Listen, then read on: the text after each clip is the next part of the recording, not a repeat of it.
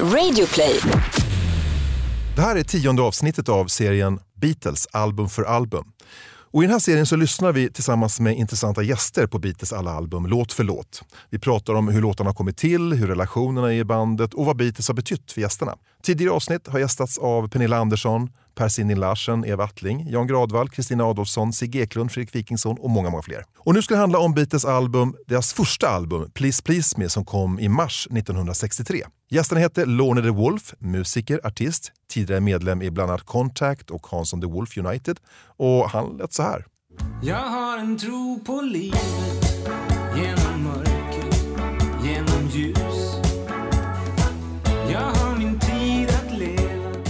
Den andra gästen är Pontus de Wolf, artist, DJ, poddare och han har bland annat podden Poppanelen som du kan höra här på Radio Play också. Och Pontus han låter så här. Vet du så blir jag din så blir Men nu ska vi prata Beatles. Vi jämför Beatles tre trummisar som alla spelade in Love Me Do, men det var en som blev kvar. Lone berättar om när han blev erbjuden skivkontrakt i London av Beatles skivbolag. Och Pontus förklarar varför Twist and Shout kanske är Beatles allra viktigaste låt. Avsnittet är klippt av Jenny Olli, vignettmusik av Theodor Lindahl och foto Mattias Nordgren. Jag heter Sven Hallberg, nu kör vi! Well, it's a very great pleasure for us this evening to say hello to an up and coming Merseyside group. The Beatles.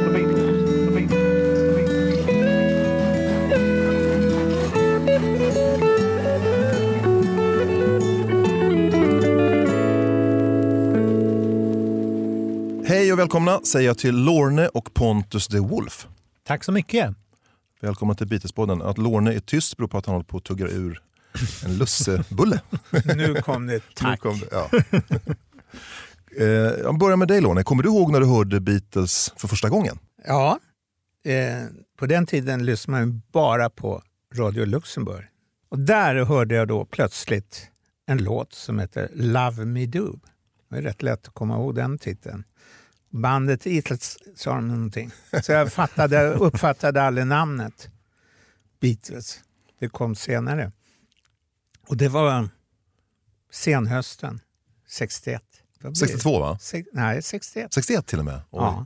Men alltså, kom, kan du komma ihåg att det påverkar dig på, dig på något sätt? Att det här har du Ja. inte hört innan? Ja, för att jag lyssnade bara på, den är så enkel och rak. Och Det, det enda jag lyssnade på innan det var ju Marquis Last Night och Booker T som de blev senare. Va? Soul, R&B Ja. musik ja. Och det var ju mycket instrumental musik på den tiden också. Och de här plötsligt sjöng ju väldigt bra ihop. Det var Everly Brothers tidigare kanske. Va? Men det här var nå- en roligare genre. Det var, det var rätt trist musik just innan där. Mer än de här jag nämnde? Mm. tycker jag. Och du spelade ju själv musik redan på 60-talet. Ja, och eh, det var nog just tack vare Beatles det blev möjligt att göra egna låtar. Det blev plötsligt tillåtet. Alla låtar var ju skrivna av några andra, inte av artisten själv oftast. Så det var bara det blev ju tillåtet så att Beatles blev nästan ens egna värsta antagonister. Och vi var mycket bättre än vad de var. De kom och snodde låtar från oss tyckte man. Fast det var tvärtom såklart. Nej, de inspirerade till att göra grejer själv. Och de var ju sex sju år äldre än man, åtta år äldre än man själv. Mm. Nej, de, och spelade allting själva och så vidare. Men du, ni, ni gjorde egna låtar och ni spelade in dem själva. Ja, min bror och jag gjorde låtar. Vi, det var för embryot till MNV-studion när vi höll på och gjorde på engelska. Det skulle vara på engelska. Allt, det fanns inget svenskt då, med en svensk toppen kanske om det fanns. Och ehm, vi får till Apple senare, visa upp det där, fick option och var jätteglada. Det hände ingenting. Och ni träffade vdn där, eller eh, Ja. chefen. Peter Asher. Mm. Och ehm, de ville ha option på det här. Och då tänkte vi, fan, Beatles bolag vill ha option. Då gör vi det själva. Kaxigt ändå. Ja, så blev det. Ja. Och så är det fortfarande. Och Pontus då, du är lite yngre. Eh, Ja, precis. när mötte du Beatles, på säga? Ja, det roliga, vi är ju halvbröder fast det är över 30 år emellan oss. Ehm, så att jag föddes ju 1981, alltså några månader efter att Lennon dör.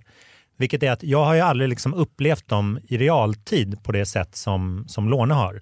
Men till, till min fördel då kan man säga att jag hade ju allt tillgängligt på samma gång istället.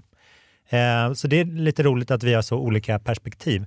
Jag minns inte när, när jag hörde dem för första gången för att det var så liksom eh, det var på hela, musik hela tiden. Men, men jag har hittat så här kassettband från när jag är två och sjunger med. Så jag, jag får väl säga att jag var liksom två då. När Men, men alltså Beatles är ju man kan säga nästan, nästan flera band. Därför att de utvecklas ju så otroligt från 62 till 69. Kan, kan du komma ihåg när du liksom, vilken platta du hörde, eller vilket album eller vilken låt du hörde först? Liksom? Ja, vi hade, vi hade mm, eh, röda och blåa samlingsalbumen var, var liksom mina eh, under uppväxten. Sen var den första CD-skivan vi köpte hem i början av 90-talet, det var Please Please Me. Så då fick den en revival. Liksom. Och sen 95 kom ju antologierna och liksom, eh, Oasis och Britpopen gjorde att Beatles blev störst i världen igen. Ehm, så att det har liksom kommit i etapper och det var där i och med att jag köpte CD-skivorna för egen del som jag började liksom grotta ner mig ordentligt. För det var började verkligen från början också med Please Please Me. Ja, exakt. Och sen så kom de lite strösslat. Men, men det var roligt. Och den, jag tror det var för att min mamma, vår, vår gemensamma far var ju konstnär och tyckte om Beatles men hade ingen koll på liksom, ja, det var Yesterday och eh, Eleanor Rigby typ. Eh, men min mamma var ju mer obsessed och är ju i Lorners generation. Eh, men hon var ju bara liksom, jag tror hon var 11 när hon, 10-11 när hon hörde dem för första gången. Så det var inte snack om någon eh, gå på konserter eller sådär. Men hon hade ett trumfkort som är jäkligt ball. Hennes pappa var ju läkare, barnläkare och kompis, gammal kurskamrat med McCartneys husläkare. Eh, så hon har ett brev som hon fick tillfifflat från Paul McCartney hemma som är så här To Lena, many thanks eller någonting. Paul McCartney. Stort. Ja, fin. Hörrni, fast en sån här skoltidningsfråga, som kunde, så här kunde det ha låtit 1963. Vilken är din favorit Beatle? Ja, men då tänker jag så här, för det är ju fyra väldigt olika karaktärer har man förstått. när Man läser och, och sådär. Eh, vem, vem av dem skulle ni gå ut och ta en öl med? Ja, då var det Paul McCartney. Han var ju någonstans tjejernas favorit och man ville gärna ligga bra till hos tjejerna också. Så att, men eh, Lennon såklart också. Det var ju de två hela tiden. Eh, Lennon var ju lite, han var ju kaxig och mycket äldre än vad man själv. Så att eh, Paul McCartney kändes kanske lättare att göra med. Mycket farligare att ta en öl med Ja. Lennon känns Ja. det. Så här, Han var lite- retrospekt. Ja, då. Nu, om jag skulle få träffa nu så kanske jag skulle vilja träffa Lennon. Mm. Vad säger Pontus? Eh, jag har vägt fram och tillbaka. Var Lennon under hela... Alltså, de har ju en sån här, som Lorne var inne på, en inverkan på en att man tror att man är dem. Särskilt om man sysslar med musik på ett eller annat sätt. Eh, så att ett tag så var det bara självklart Lennon, Lennon, Lennon hela tiden. Eh, men sen nu, nu är jag inne i en sån här McCartney-period. Men jag tror det är för att han talar ju för alla nu. Både när han släpper musik och berättar historierna och sånt där. Så Han att- är ambassadören för Beatles. Verkligen, och han sköter det väldigt bra. Jag tror att i den här Lennon-McCartney-rivaliteten glömmer man bort att få skulle... Alltså Lennon kanske skulle ha så här Elvis-status idag, men jag tror inte den här återväxten bland kids som händer var, varje generation, det är ju McCartneys förtjänst. Liksom. Mm. Och med tanke på att Paul nu släpper nytt material som till och med låter riktigt bra så Mm. har jag en förmåga liksom fortfarande att vara relevant. Ja, verkligen. Jag hade nog valt Ringo Starr. Ja, För jag, jag tror att den, honom hade man garvat mest med. en Om man nu ska lättsam, rolig kväll. Ja, Verkligen. det kan fortfarande hända. ja, faktiskt. Hörni, det här är ju i mars 1963 och det är Beatles debutalbum som släpps. Please Please Me. Eh, och då undrar man hur lät det i svensk radio? Då fanns det ett program som hette Kvällstoppen som speglade de mest sålda och spelade låtarna. Och där låg det till exempel en kille som hette Dickie Lee.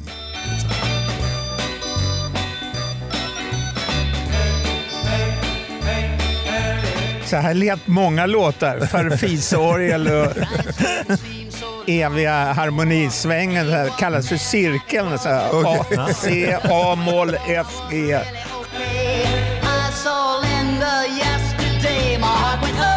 Det där är min första singel dessutom. Upptäcker jag nu. Ja. Men det där var typiskt en sån här hipp, hippa låt. ja, men förmodligen. Och så var det Elvis.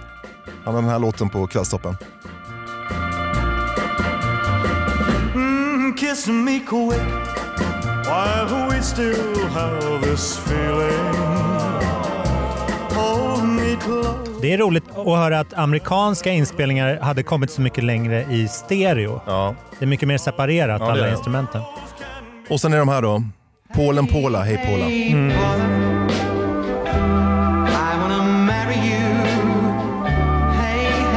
Paula.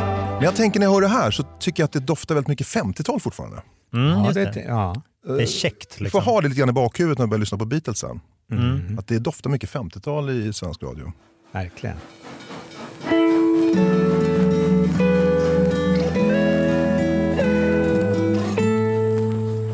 Innan Beatles gick upp på scenen i Red Light-kvarteren i Hamburg, långt innan de blev kända, brukar de peppa varandra och säga “Where are we going lads? To the top! What top? To the toppermost of the top poppermost!” Och då säger John Lennon i en intervju 1970 “Vi räknade med att vi skulle klara det, för vi var, vi var fyra personer.” Och han fortsätter “Paul var inte tillräckligt stark själv, jag hade inget tjejtycke, George Harrison var lite för tyst och Ringo han var ju trummisen. Men vi tänkte att tillsammans skulle det alltid finnas någon som någon gillade av oss och så blev det ju.” Och så från Hamburg då, hösten 1960 till London vintern 1963. Och då har det hänt en hel del med Beatles. De har släppt två singlar. Först Love Me Do som eh, en ung Låne hörde på radio. Oktober 62 ska de ha släppt. Det kan vara så att Radio Luxemburg spelade den tidigare. Och så släppte man Please Please med i januari 63 och det här vart riktiga hits båda två. Och skivbolaget får liksom bråttom och spela in ett album. Så i februari då, eh, 1963 så är John Lennon jätteförkyld, har problem med halsen. Klockan är tio på förmiddagen och de ska spela in ett helt album på tio timmar. Och de käkar halstabletter och kedjeröker den här dagen. Det är rätt tuff start ändå. Ja. De har spelat in fyra låtar, för de har gjort två singlar med B-sidor, så det är, det är bara tolv låtar de ska spela in. Och det, alltså, det är fortfarande då fyra unga, de är mellan 19 och 22 killar från Liverpool som är i London i en stor studio och ska göra sitt debutalbum. Alltså de lär ju vara hyfsat nervösa samtidigt. Och kanske peppade. Men det här tycker jag talar så himla mycket för deras arbetsdisciplin som, eh, som, liksom smittar, som fortfarande håller på. Alltså Paul kör ju så tre timmars set idag utan att dricka vatten, vilket är helt sjukt. Och att de hade ju liksom, de hade spelat på Cavern så nästan 500 gånger och Hamburg 10 timmars spelningar och sånt där. Så det var, för dem var det nog så här, okej, kavlar vi upp ärmarna typ. Men de har ingen respekt överhuvudtaget Nej. för så här, hur man sover ut dagen innan och sånt. Eh, I mars 1963 släpps Beatles första album, Please Please Me With Love Me Do och 12 Other Songs. And 12 Så heter den alltså i sin helhet. Eh, om vi börjar med omslaget, då, om vi kikar på det. Vad tycker ni? Det är, Just det. de står i en tra- ett, ett Ikoniskt. trapphus. Ja. Fint. Det är IMI-kontoret. Så jag, tror, jag för mig de hade någon, några liksom större planer men fick då ont om tid. Så att de liksom fick... Ja, men det stämmer, det var så kul. Jag läste om det här. Eh, Beatles producent George Martin han var, med, han var hedersmedlem i eh, Zoologiska sällskapet i London. Och han tyckte att de skulle fotografera Beatles utanför insektshuset. Ja, ja, som Med Beatles. Beatle då, liksom. som Ja, skalbagge. kul. Ja. Det hade inte åldrats lika väl, tror jag. Men eh, sällskapet som han var med i, de gick inte med på det här utan då blev det liksom snabba, snabba puckar då, så tog man det i trapphuset istället. Mm. Med en fotograf som heter Angus McBean som var en legendarisk teaterfotograf. Ja. Sen tog man faktiskt en bild till i trapphuset eh, lite senare för att eh, man skulle ha det till albumet som blev Let it be. Mm. Som hette Get Back från början. 1969 tog man en bild.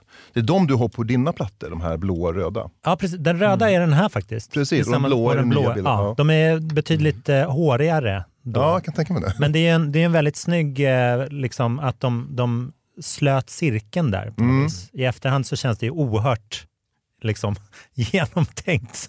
Det var det är ju ganska, då tyckte man kanske att man var van vid såna här enorma fina idolbilder på alla artister på omslagen. va. För första LP-omslag var ganska ovanligt överhuvudtaget.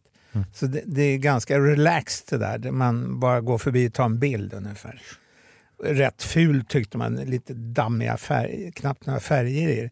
Det andra var så uppgjort och sminkat. och där. Ja, Men man gillar ju uttrycket i Ja, de här fyra ansiktena. Det är ju kaxigt. fyra kaxiga, glada killar. Mm.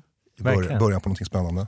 Av albumets 14 låtar så är det Lennon McCartney då som har skrivit åtta. Och oftast är det någon av dem som har haft bidragit med mer eller mindre till låtarna. Mm. Eh, rocktidningen Rolling Stone säger att det här albumet var starten för att pop och rockband släpper album med egna låtar som de till och med spelar Mm. på instrument själva. För det var som du var inne på tidigare, det var mycket vanligare att man hade låtskrivare som Ja, serverade hade, artisterna. ja, och band som kompade artister. Så att säga. Exakt. Studioband. Precis. Det märker vi, ganska tidigt så står Beatles på sig att de vill ha med eget material på skivan. Mm. George Martin är ju lite skeptisk till deras kompetens att skriva musik så han har ju med sig en plan då, att de ska göra ganska mycket covers. För planen var väl liksom att, att fånga dem eh, så som deras liveset Exakt, var. Så exakt. Att de bara, jag, jag läste att de liksom till och med kollade in The Cavern om det skulle gå att spela in där. Men att det var liksom för rough då, så de fick ta ner dem till London. Liksom. Jo, för det återkommer det här att man, de som har sett Beatles live på den här tiden säger att det var så mycket energi. Det fanns så mycket där på scenen som, Mm. Det kom ju verkligen in i vissa av låtarna verkligen. på plattan. Ska vi börja lyssna då? Gärna. Det här är ett, ett, ett vinylalbum. Då börjar man med sidan ett. Mm. Och där hittar vi en låt som heter I saw her standing there.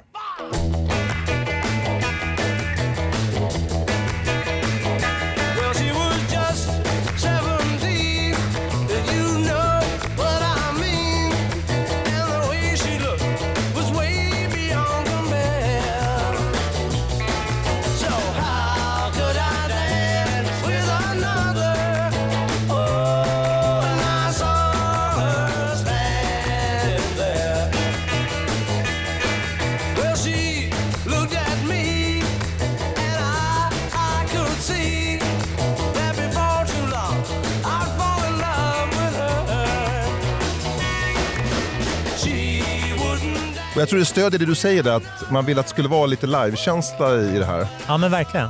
Allt, allt är ju inspelat live. Det är bara liksom sång på en kanal, resten av instrumenten på en annan kanal och så reverb på allt så att det smälter ihop. Paul McCartney berättar ju hur, han, hur den här texten kom till, som man kan se på Youtube. Mhm. I saw you standing there. Det, den meningen kommer han på. Well, she was just 17. Och någonting med Queen. Nej, det går inte att ha, säger Lennon. You know what I mean. Skulle vara Så man istället. bytte där då. Ja, så de har varsin första raden på nästa rad Lennon. Det, Mm. det är början på Beatles. Liksom. Ja. Det, det här är bland de kaxiga låtarna tycker jag, fortfarande. Ja, verkligen. Den håller liksom. Och det är Paul McCartney som sjunger och spelar bas. Det är John Lennon som körar och spelar kompgitarr. George Harrison på gitarr och Ringo Starr på trummor. Och den här låten när den kom, den uppfattades då som ganska rå och lite kaxig i soundet. Och även att texten var, texten var lite vassare än vad... De här tidigare exemplen när du spelar upp. Ja, med de öronen så, så får man tänka att det här är nästan lite punkigt när det kommer. Ja, Liksom. verkligen. Och, och väldigt mycket energi. Andra låten på Please Please Me heter Misery.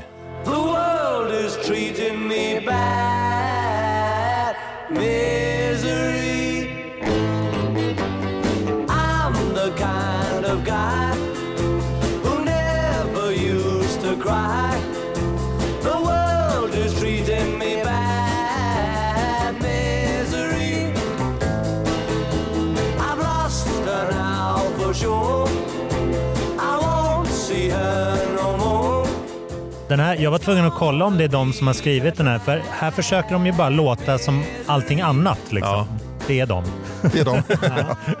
Ska vi säga det att det är Beatles själva som spelar, det är John Lennon som sjunger och så har George Martin tagit över pianot där. Och det som säger, John och Paul skrev låten under en turné med Helen Shapiro som de hade hoppats på skulle eh, spela in den här låten. Okej. Och framförallt Paul var väldigt driven som låtskrivare och försöka få and- och skriva låtar till andra artister. Ja. Medan John hade fullt sjå liksom att skriva till sig själv.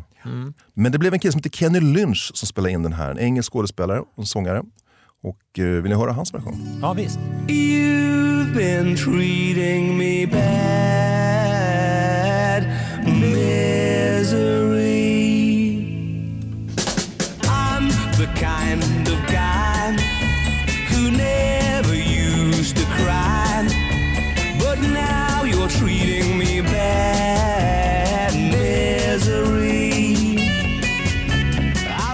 Det, försvinner lite av det här råa. Ja, det är inte, så, Sköna. det är inte det här som du kallar lite punkigare. Det här är liksom en stor gungig orkester bara. Men det är roligt med deras låtskrivarambitioner. Det måste ju de ha fått in från liksom jazz och kabarévärlden mer. Inte influerat av att så här, ah, popmusiker skriver, som du säger. Mm. Ehm, en annan låt som man kan anmärka här är ju den här How do you do it? Mm. Eller vad heter den så? Ja, just det. Ehm, de stod och vägde mellan att göra den och Love Me Do som första singel. George Martin gillade den här How do you do it mer egentligen. Just det. Men den släpptes av någon annan artist. Precis, vi kommer till den. Och jag ska bara säga att det här, var, här är första covern, första Beatles-covern som de spelade in. Så Kenny Lynch han blev lite historisk i alla fall. Ja visst, Trots det smöriga. good job. Låt nummer tre på Please Please Me. Anna, Go to him. Anna, you come and ask me, girl, to set you free, girl. You say he loves you more than me, so I will set you free.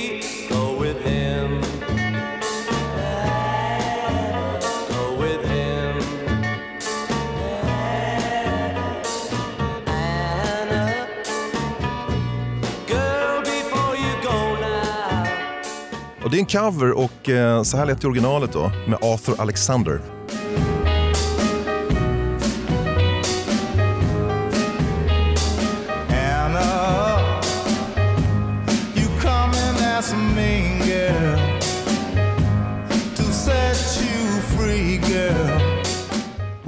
Alexander och John Lennon är precis lika gamla här, de är 22 år. Oj. Men John Lennon låter ju yngre och man tror att det beror på att man har pitchat upp den i en tonart som inte passar hans röst riktigt. Han är, ligger liksom på gränsen och låter lite yngre än vad Jaha. Arthur. Ja, det är skillnad där på hur man tar hand om en låt. Mm, verkligen. Nej men Pontus, som du, du var inne på, den här Hold Me Tight som uh, George Martin envisades med. Nej, inte den. Nej det var inte den. Nej, det var, just det. Men det fanns en låt som heter Hold Me Tight som Ja. George Martin eh, verkligen ville att de skulle spela in. Och de höll på att kämpa med den där och det kanske var så att Beatles själva inte riktigt tyckte om den här låten så att eh, det inte riktigt funkade. Men hur som helst då, så var det lite bråttom så då spelade de in den här covern då, Anna Go To Him. Jaha, det var så. Mm. All right. Okej, låt nummer fyra, en låt som heter Chains och det är George Harrison som sjunger. Det är en cover skriven av Jerry Goffin och Carole King. Och det var sådana låtskrivarpar, som, eh, ett gift par som levererade hits till eh, massor med artister och hade otroligt mycket Ah. hits. Och Carole King gjorde ju karriär sen på egen hand också. Just det. Eh, och det roliga är att man hör, läser en intervju med Lennon McCartney väldigt tidigt så jämför de sig, de vill bli eh, Collins King, liksom, det är deras förebilder som låtskrivare. Eh, så här låter chains.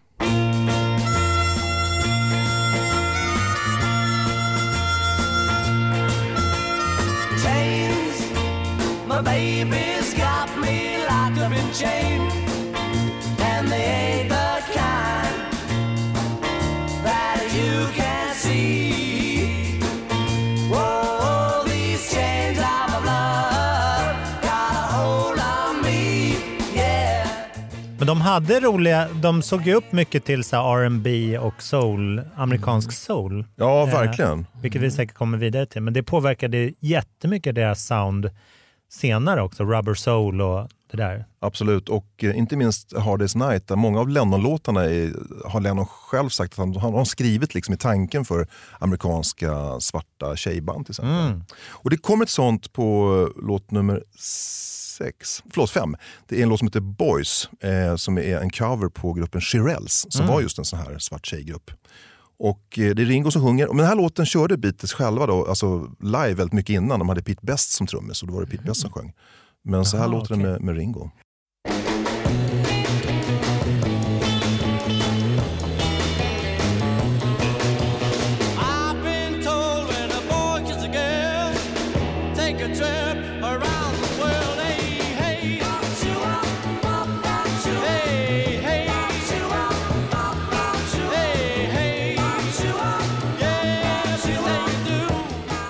Det här, är, det här är låten med de starkaste trummorna på hela plattan för att de läcker in i sångmicken. Ja, ja, ja. ja för då var det inte tal om att spela in trummorna separat. Det hade man inte kanaler för utan det var bara att köra på. Det var som när jag hörde hela den här LPn. Det är massor med skåpmat på den här plattan. Ja, det Man det. får vara ärlig alltså. Så är det ju. Repertoar som de har haft med sig från Hamburg naturligtvis. Alltså, men Ringo kör den här låten fortfarande live. Så Ja, han, det är han verkar gilla den. fantastiskt. Ja, han tycker den är bra.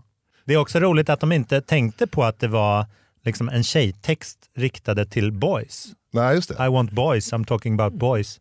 Förelåg det inte. Han, vill, han är bara en glad skit Ja, som men Ringo han var genusneutral redan 63. Ja. Exakt. Låt nummer sex, Ask Me Why. Och det är John Lennon som sjunger. Det här var baksidan på singeln Please Please Me. Så den hade man spelat in innan då. Den här maratoninspelningen.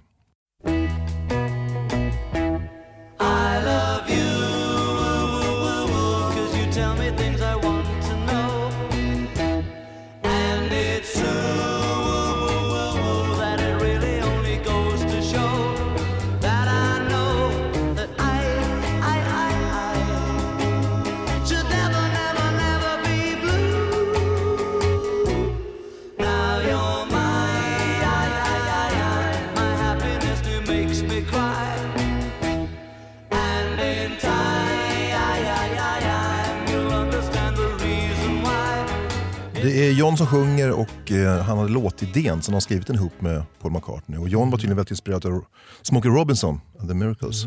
Men vad säger du Lone som är musiker? Är inte det en ganska, ändå en ganska avancerad melodi för en ung kille? Ja, Alltså, alltså de här stämmorna som är tre stämmor där. Äh, bam, bam, bam, det där. Det tyckte man ju var, wow, kan man vad göra är så? det? Får man göra så där fint? Mm. Alltså, alltså det, det kommer igen senare vissa saker som de... Och, och hur bra de samsjunger de är. Alltså. Mm. Och det, det, det, det, det var det jag minns från den här låten, att vad duktiga de var. Ja, det är Så. svinsvårt. Ja. De är ju tre Det bra var, sångare var och det, en glad Låten sångare. var, fan vad duktiga de är. Mm, mm. Men hör man inte också, någonstans anar man liksom Lennons talang att skriva Ja. låtar här? Mm. För han, han går ifrån rätt mycket konventioner. Alltså. Ja, verkligen. Det här låten innan vi hörde, det är liksom en... Här, här letar en andra harmisar, alltså, fast Mm. det rör sig kring det klassiska gamla. Han hittar lite nya spår. Jag kan se framför mig att Paul McCartney och John Lennon sitter med varsin gitarr och liksom just håller på att hitta nya harmonigångar. Mm. Och Paul var ju den som låg lite före när det gällde att kunna spela och visade John så här tar du det tredje Mm. ackordet. Så att säga. Så att de var nog rätt hyfsat pigga på att liksom experimentera med Mm. harmonier och gå från de här tre standardackorden. Mm. Och ibland var det tvärtom. Ibland ville man bara köra ett ackord och se hur Ja, länge kan jag, hur länge kan jag hålla ett, ett, Ja, ackord i liv. Liksom. Och så på låt nummer sju då, det är ju då singeln Please Please Me som eh, John sjunger. Och den spelade in sig in då vid samma tillfälle som den andra singeln Love Me Do.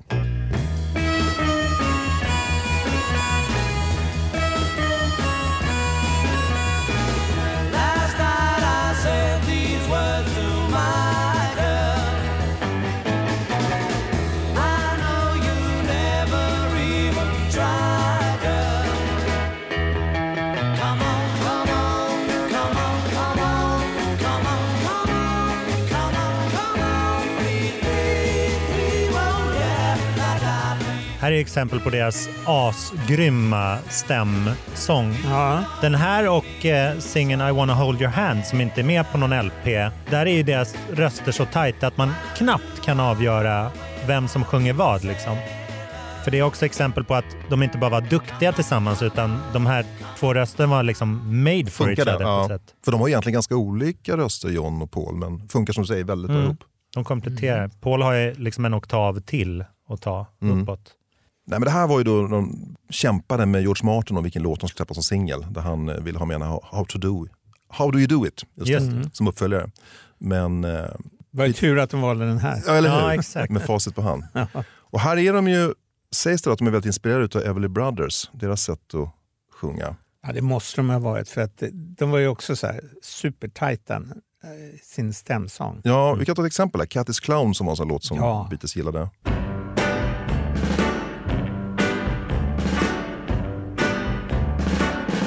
Där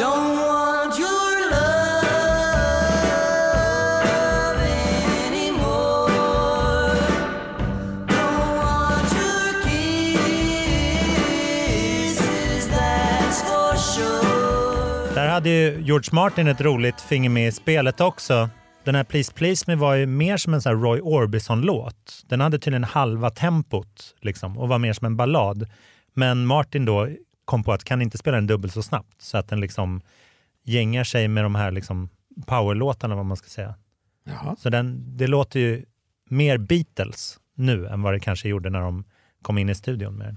Ja, det bevisar också vilket, vilket, eh, vilken betydelse George Martin hade för Beatles trots allt. Mm. Här- Men det hade man ingen aning om då. Nej. En producent, vad var det för någonting? Jag får ju kompensera för att jag inte fick vara med på er tid genom att lära mig allting. Så att det nästan, jag nästan tror att jag Nej, är men han, där. han var så skönt diskret, George Martin. Han var väldigt viktig, men han, ja, han vill inte synas. Så att säga. Nej, och han är, ju, han är ju också, när han pratar om den här tiden i efterhand sen, så, så är han ju väldigt ödmjuk. Hela och vill ju liksom förringa sin egen betydelse. Ja. Ja, Han är liksom working man. Han är alltså skivbolagsboss på Parlophone och producenten. Ja. Det är så snyggt att bara så här, ja, men det, det här sköter jag, det här bygget. Jag tänker ibland när jag ser bilder när man ser Paul McCartney hukad över mixerbordet och håller på och meckar med någonting och så står George Martin bredvid liksom och tittar på intresserat och han ändå släpper mixerbordet till Paul. Ja men Paul har någon idé, låt han förverkliga det liksom. George Martin vill ha munkar, eller John Lennon vill ha munkar som sjunger, ja men vi får lösa det på något sätt. Liksom. Ja. Otro- Otroligt tillmötesgående och öppen hela tiden.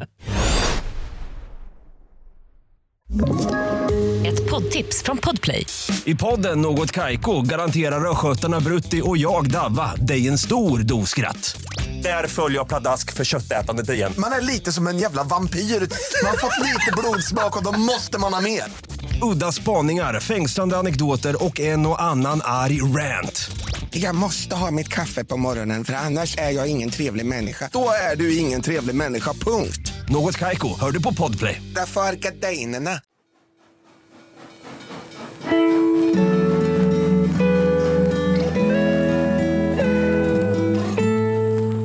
Vänder vi på detta album och första låten på andra sidan det är ju Love Me Do. Och det är Paul som sjunger, men det är inte Ringo på trummor utan det är en kille som heter Andy White. Vi ska Just prata mer om det strax.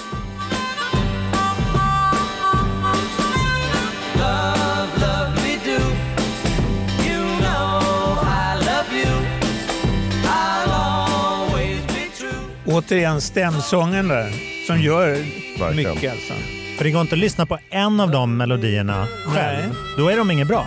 Det är bara när de kommer tillsammans som de liksom är något.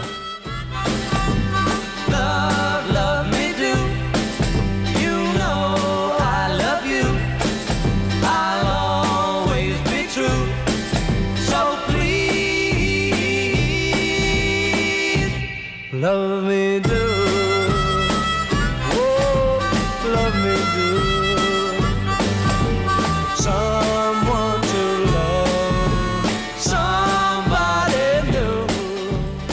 Nej, för det var ju så att Paul hade skrivit den här till en början, då, två ackord.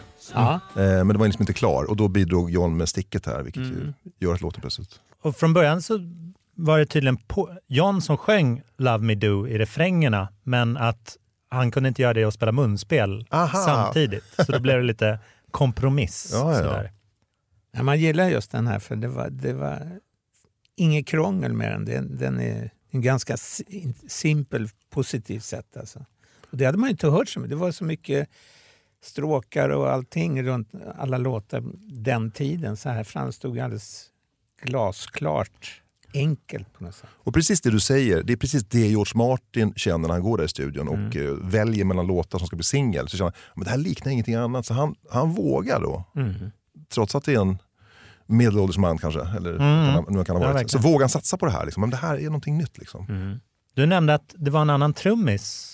Ja, precis. Man spelade in den först med Ringo, men det var någonting där, alltså, här går historien lite isär, det är ju så länge sedan. Men vissa påstår att det var Paul, andra säger att det var George Martin som inte tyckte att Ringo riktigt levererade slagen där de skulle sitta. Det är någonting med, med baskagge och basgång. Jag, jag är inte musiker själv. Det Men är bra lirat det här tycker jag. Ja, men det är väldigt, han är ju studiemusiker Andy White. Ja. Han spelar ju precis som man ska göra. Han har ju inte det här hänget som Ringo har. Nej, precis. Det är intressant. De spelade in den tre gånger tydligen. Okej. Och den första med den här Pete Best. Så han, Pete Best fick ju sparken mellan version 1 och version 2 av Love Me Do. Så jag, jag fattade det som att Ringo inte var inrepad på låten överhuvudtaget. Han hade liksom börjat i bandet två veckor innan. Så det är verkligen på håret att han var en del av The Beatles. Sådär. Man hör, på den här så spelar han tamburin. Så det är så man kan skilja liksom versionerna ifrån varandra.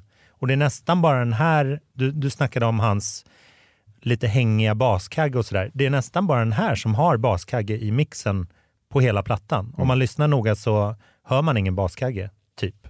Så det var någon som var lite så här sparsam med den. Bra att du gav heder åt Ringo igen. Ja, verkligen. Och jag tror att det här med basen, det var ett problem därför att var det för mycket bas på skivorna när de graverade dem, då hade man problem sen när man spelade upp dem på de här lite enkla engelska skivspelarna jag läst. Ja, de kunde det. hoppa. Låter helt otroligt idag men det var tydligen ett fysiskt problem. Ja, men det, det var det även på 90-talet. när man, nu snackar jag som, som säger, producent lite grann. Då, då, alltså när så här, trance och techno och det kom och man ville mata in otroligt mycket bas i mixen så hoppade också nålen. Så då fick man lägga dem liksom längst ut i kanterna på höger och vänster. Bara för att annars blir liksom, det är ju liksom fysiska saker som nålen läser av. Eh, så väldigt krångliga grejer. Ja, Men vi kan ju lyssna på Love Me Do med Ringo. Ska vi göra det? Ja, Det måste vara Anthology 1 version. Kan det, äh, det med Pete Best. Aha, det ska vara Anthology Men 2. klicka på den, för den är ännu sämre. Den med Pete Best är kalkon. Det här är mycket mer country liksom.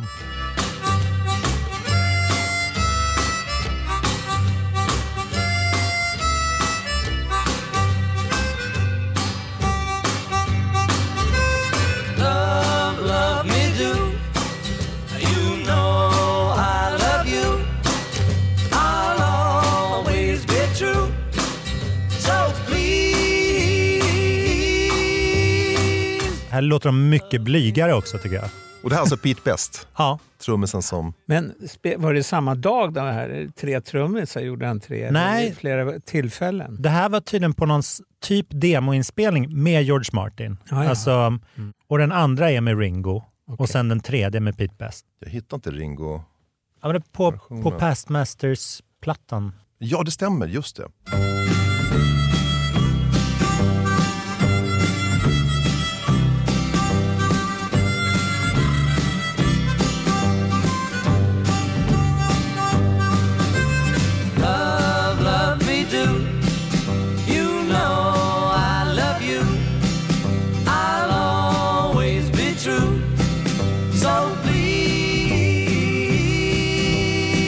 Man hör att Ringo är väldigt försiktig här. Alltså. Han kan inte låten riktigt. Ah, ja, rätt Han låt. som är en av popvärldens bästa trummisar. Ja, Sir Ringo. han är bara människa. Okej, rätt version hamnade på albumet. Ja. konstatera. Och så låt nummer två då, P.S. I Love You. As I write this letter. Också Andy White. Ringo på maracas. Men det här var ju alltså inget ovanligt att det var ett annat band i studion mot liksom det som var ute på vägarna. Nej. Treasure these few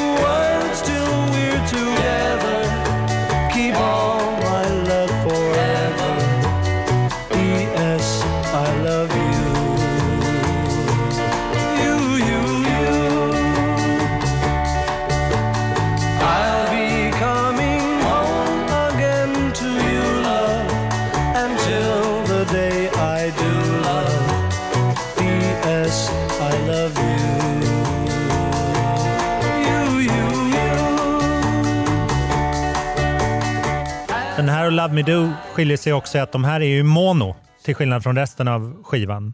Tydligen populär live också, den här låten. Jaså? Ja, den kvinnliga publiken. Ja, Mm. Ja. Alltså 95 procent av publiken. Ja. De, det var lite, Beatles de fångade båda, både killarna och tjejerna. Mm. Det var ju inget typiskt killband eller typiskt eh, tjejorkester heller. Som, utan de fångade in alla. Killarna vill vara dem, tjejerna vill ha dem. Ja, Men kan du inte säga det Lone, för att det, sker ju ofta en historieförfalskning. Menar, det går generationer och det blir nya, nya sanningar. Mm. Och ofta idag när man pratar om Beatles i moderna kretsar, då ser man att det var ett pojkband. Men det som du säger, det var ju verkligen inte bara tjejernas Nej. favoriter. Sen när man ser dokumentärer med Beatles live så är det naturligtvis tjejerna som hörs. Ja, de ja. som skriker mest. Men där finns... Nej, har, men alla killar i tysta satt ju och slet med det här. Va? Göra egna låtar. Va? ja. Bli, nästa, göra någon låt sådär som dem. Så att de var ju enorma förebilder. Alltså.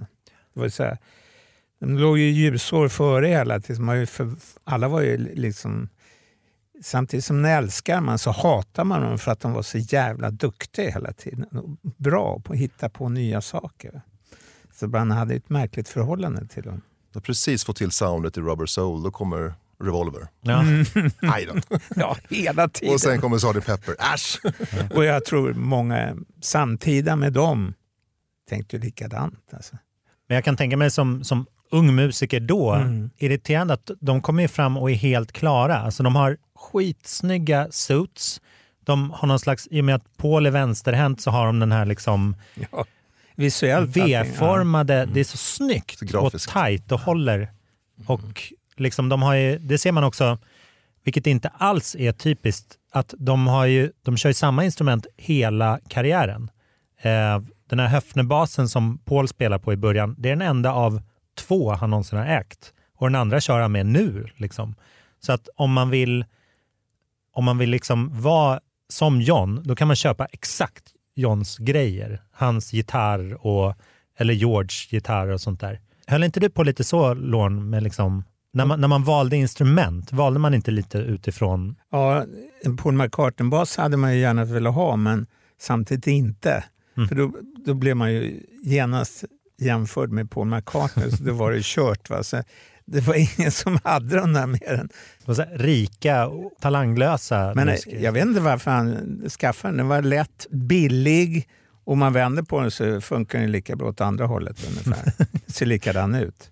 Och är lättspelad har jag hört, för att den är ganska smal i halsen va? Den, Ja. Och det tränger igenom ljudet väldigt bra. Det Den, låter är, här den, donk, den är ju donk, inte mycket liksom. sustain så här, som en Fender Pre- Precision eller något sånt där. Va? Men det är väl de två som är så typiska i sina ljud. Mm. Precision, Fender och så den här höften. Va? Ja. Och Rickenbacken som de, Ja, han kör lite fast på. den är, sk- skräller ju mest. Alltså. Ja. Verkligen. Ja, då är jazz Fender bättre, Mm. tror jag. Tredje låten är en cover på den här gruppen Shirelles. Den heter Baby It's You och det är John Lennon som sjunger. Nej, Tjalala igen här. Ja.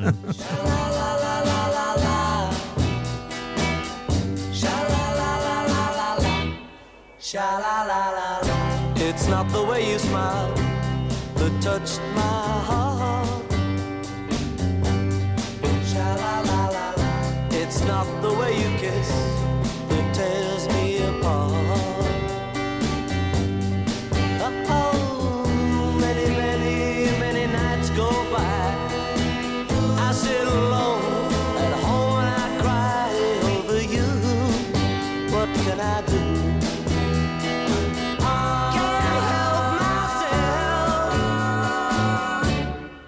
Baby, it's you. Man undrar vad de här amerikanska Shirelles tänkte när de upptäckte att ett engelskt band har två Shirelles låtar på sitt album. Det Ja. inte varit mm. kul. Kanske inte jättekul låt, men, men John sjunger väldigt bra. Ja, Ja, det, det, åt, det är Lennon, det är något magiskt med hon, hans röst. det Jämt, faktiskt. va? ja. Men det blir roligare om man nu ser ur Beatles perspektiv. Eh, Det blir en egen skriven låt här. You'll never know how much I really love you. You'll never know how much I really care. Listen, do you want to know a secret? Do you promise not to tell? Whoa, whoa, closer. Let me whisper in your ear. Say the Det här är George som sjunger va? Ja, det är så roligt.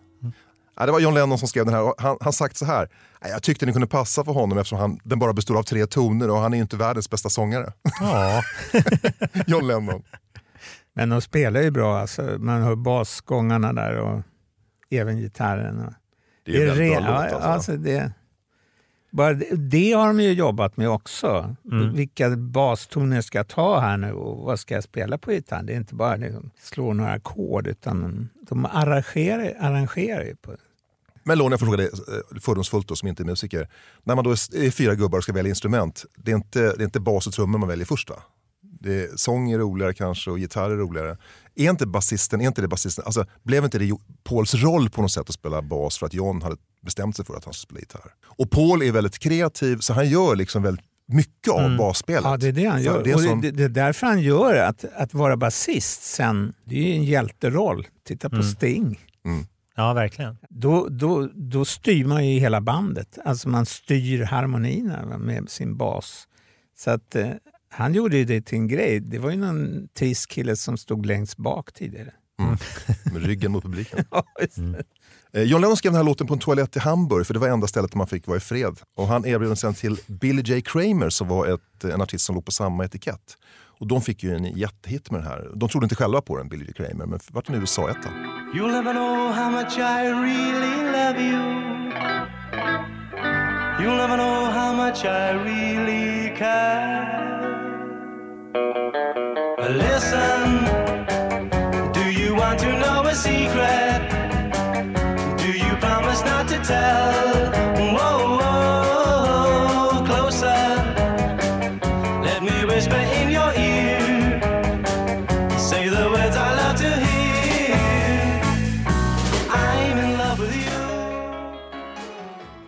Billy J. Kramer and the Dakotas. Var det sån här Mercy-band också? Det var det, låg på samma etikett, de hade samma management. Nu är vi framme vid låt nummer fem som också är en cover.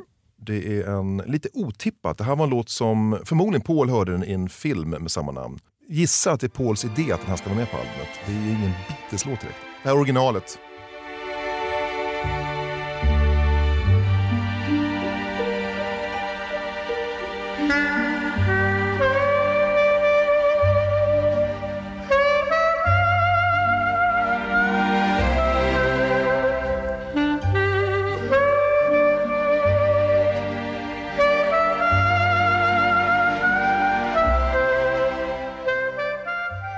Vad fin den var så här. Ja. Du får en lite sån Nancy Sinatra... Jättefin melodi. Ja. Det är lite så här anglosaxisk folkton.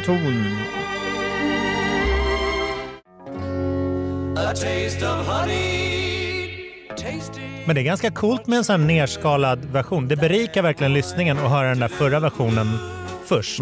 Då blir det lite som när så här Kurt Cobain gör unplugged-version av liksom någon mycket i grunden fetare.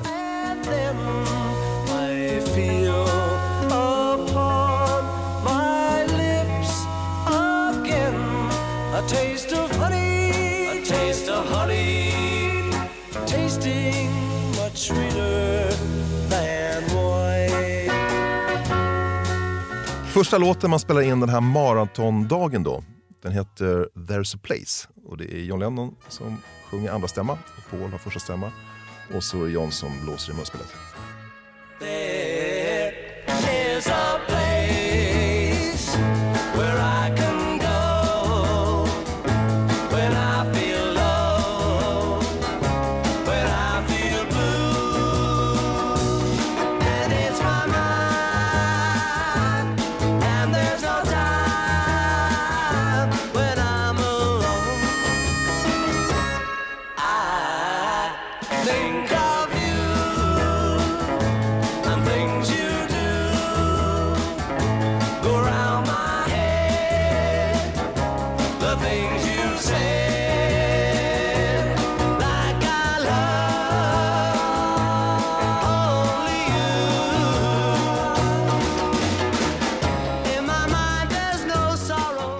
Är alltså Johns låt och ändå är det Paul som sjunger första stämman. Mm. Nej, men man tror att det är så här kan Beatles ha låtit live, för det här gick väldigt snabbt den inspelningen. Så den har tagit sig rakt upp och ner.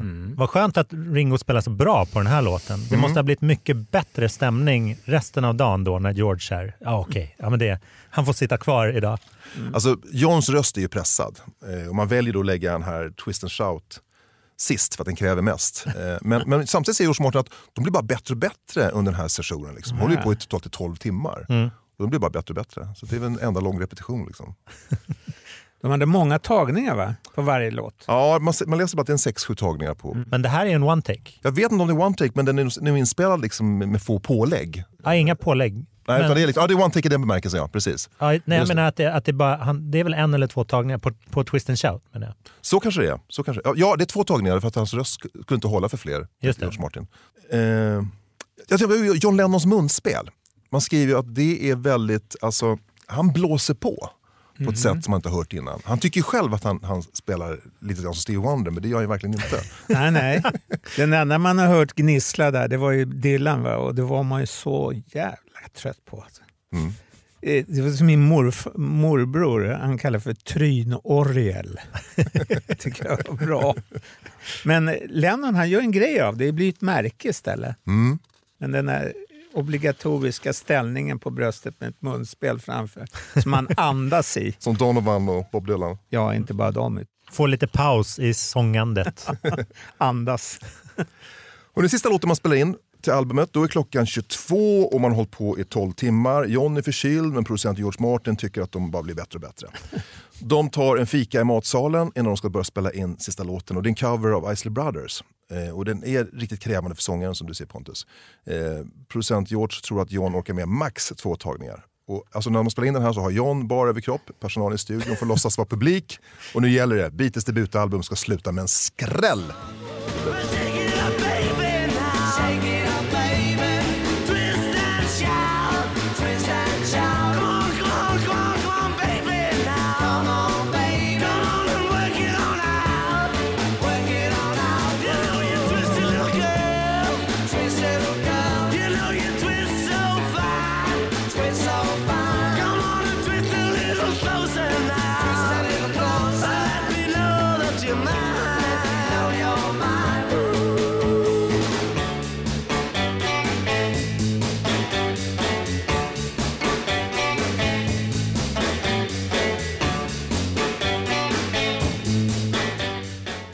Måste höra körerna när de drar igång Ja, sen. Klassiskt. ste, stegen.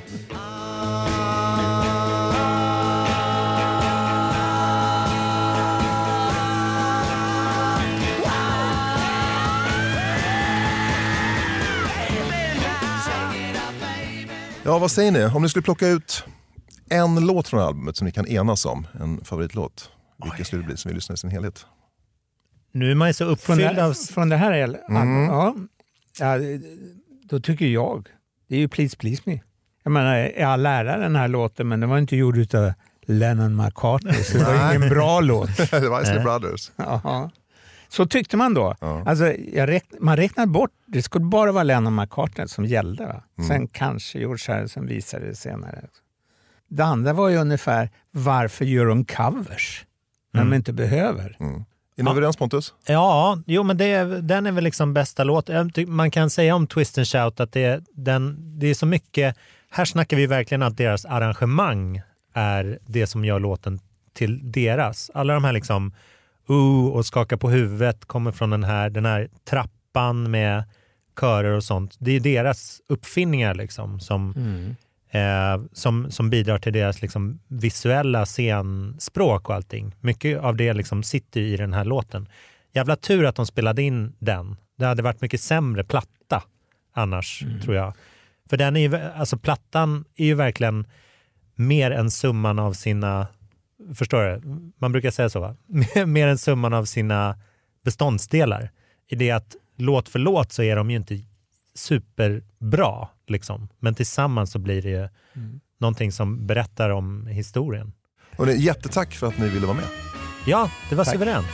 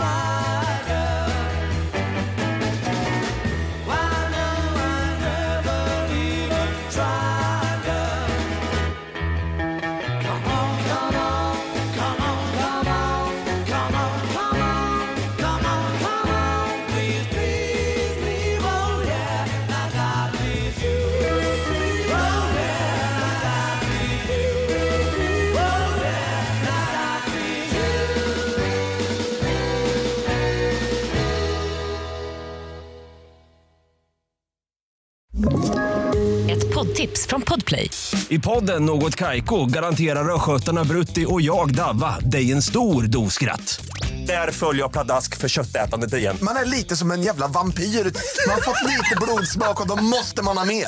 Udda spaningar, fängslande anekdoter och en och annan arg rant. Jag måste ha mitt kaffe på morgonen för annars är jag ingen trevlig människa. Då är du ingen trevlig människa, punkt. Något Kaiko, hör du på Podplay. Därför är gardinerna.